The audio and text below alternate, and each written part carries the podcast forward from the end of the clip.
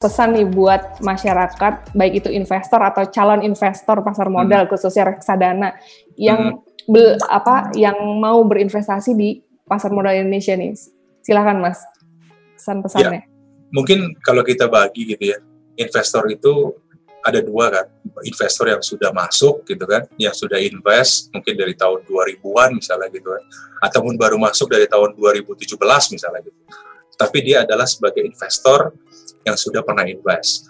Kemudian ada satu sisi lagi investor yang belum mau invest and then uh, mau coba-coba gitu ya. Mungkin saya bahas yang satu dulu, yang investor yang belum pernah invest yang main and mau coba. Hmm. Sebenarnya sebelum kita memutuskan suatu investasi ada tiga hal yang yang selalu saya bilang kalau saya ke ke university dan sebagainya. Yang pertama itu harus dari sisi pengetahuan. Pengetahuan itu nggak hanya dari sisi uh, kitanya, tapi kita harus tahu juga ini produknya apa. Contoh misalnya dia uh, tahu dulu profil resikonya dia kayak apa. Bisa nggak dia menerima suatu fluktuasi di market? Bisa nggak dia menerima kehilangan dananya dalam certain period gitu ya? Nah ini kita harus mengukur dulu pengetahuan terhadap resiko kita sendiri seperti apa. Biasanya di fintech, di bank ataupun di MI pasti ada kuesioner kan ada kuesioner uh, profil resiko. Nah itu mesti diisi dengan dengan baik, dengan sejujur-jujurnya, hmm. supaya nanti akan dikonstruk menjadi ke depannya akan menjadi asset allocation. Jadi kita suggest pertama kali itu kalau mau beli, contoh misalnya dia campuran ataupun dia di tengah gitu ya, di uh, balance gitu ya bahasa ininya. Kita juga nggak pernah suggest masuknya ke satu produk. Pasti kita akan hmm. suggest kita konstruk dia menjadi ke dua atau tiga produk. Hmm. Di mana di dalamnya pasti akan ada sahamnya atau reksadana saham. Mungkin porsinya sekitar 20-an persen. Ini yang pertama. Yang kedua, dari sisi tujuan. Tujuannya mau ngapain dulu nih, karena sangat erat kaitannya dengan time horizon. Jadi kalau misalnya dia tujuannya cuma enam bulan, ya kita nggak akan saja masuk ke reksadana saham. Tapi kalau tujuan dia jangka panjang buat bangun rumah tujuh tahun lagi, which is kita boleh porsinya masukin mungkin 70 sampai 80% ke saham. Saham. Gitu ya. Tapi kalau dia punya tujuan lebih panjang lagi mungkin bisa 90% di saham. Hmm. Ini yang paling penting karena saya ambil contoh orang yang invest 2007. Pertama kali dia udah agree misalnya lima tahun gitu ya. Dan tiba-tiba market crash di 2008. Itu benar-benar crash hmm. and then semua drop menjadi kurang lebih hampir 50 sampai 60 persen.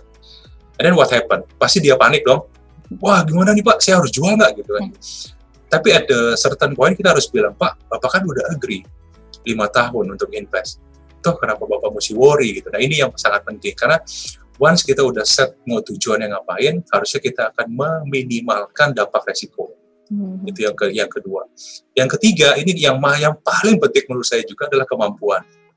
Jangan pernah melakukan investasi karena dipaksa jadi benar-benar harus dihitung. Oke. Okay. Ya, jadi kalau kita sanggup sebulan memang 500 ribu gitu ya, udah dikurangin dari gaji, dikurang pengeluaran gitu gitu ya. Terus ada sisi pendana darurat sedikit. Nah terakhir ada satu porsi buat investasi. Kalau emang cukup 500 ribu ya udah. Tapi kalau paksa jadi 2 juta, cash flow-nya akan berantakan. Hmm. Endemnya akan menggunakan sesuatu yang akan berlebihan. Jadi misalnya okay. menggunakan kartu kredit uh, segala macam, terus bayarnya akan bayarnya minimum misalnya. Nah bunganya akan bergulung tuh. Nah itu yang harus ditekankan bahwa investasi itu harus sesuai dengan kemampuan. Kalau kalau nggak bisa ya jangan. Gitu. Itu yang paling penting. nah terus yang kedua dari sisi investor yang sudah pernah masuk gitu ya. Iya, yang sudah masuk nih. Yang posisinya lagi minus lagi nih. Iya. Nah, saya akan suggest dia untuk membedah dia punya portofolio. Hmm. Contoh misalnya ternyata sekarang karena nasabahnya konservatif gitu ya, and then dia ada banyaknya dari reksadana di market misalnya. Hmm. Saya suggest untuk melakukan rebalancing dia punya portofolio. Kenapa? Karena saham ataupun reksadana saham harganya masih menarik. So contoh misalnya dia punya 80% di money market fund, kemudian 10% ada fixed income, 10 persennya ada lagi di reksadana saham misalnya. Hmm. Kan total 100 persen. Nah, dari yang 80 persen itu harusnya dia mulai pelan-pelan shifting. Masuk ke yang lebih beresiko. Tapi tentunya ya di, diikuti dengan tujuannya harus jangka panjang. Kalau dia cuma short term, iya. Kalau kita tahu bottomnya seperti apa kita nggak tahu. Nah itu dia harus mulai melakukan rebalancing. Nah untuk orang-orang yang sudah kecemplung gitu, kita ngomong bahasanya apa ya? Cemplung kali ya. Dan sekarang minus gitu ya.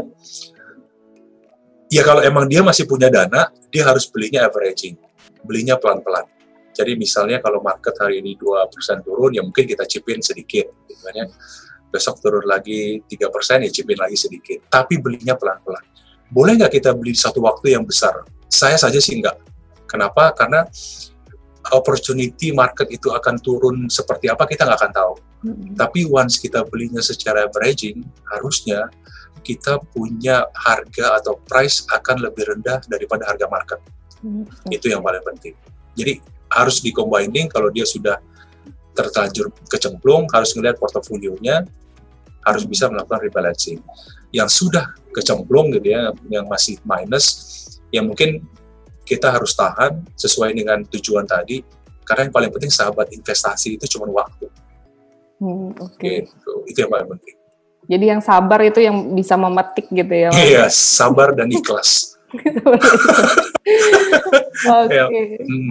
menarik banget nih apa pembahasan kita hari ini ya. Yep. Oke, okay, sobat Bareksa itu tadi bincang sikat kita dengan Mas Chandra dari Shalendra Capital. Izinkan yep. saya merangkum sedikit uh, cerita kita hari hmm. ini gitu ya. Mulai dari uh, perkembangan pasar modal Indonesia tadi dan hmm. tren ke depannya ini masih uh, berpotensi untuk terus tumbuh dan bahkan hmm. dengan pandemi ini uh, untuk yang di pasar modal ini sebuah peluang gitu hmm. untuk mulai masuk, mulai investasi sekarang. Hmm.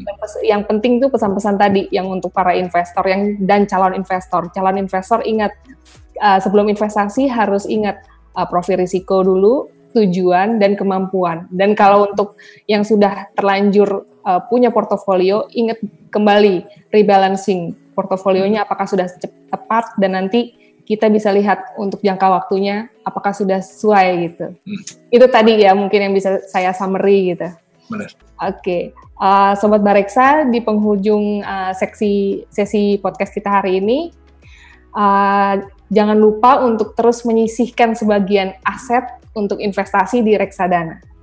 Walau masih di situasi pandemi, investasi reksadana aman dan legalitasnya uh, diawasi oleh negara. Oke, terima kasih Mas Chandra sudah meluangkan waktunya untuk Sama-sama. Bareksa Podcast. Thank you, Sembah Hanum. Terima kasih Sobat Bareksa untuk setia selalu menonton Bareksa Podcast di uh, semua channel Bareksa. Jangan lupa follow dan subscribe baik itu uh, YouTube, Spotify, uh, Instagram.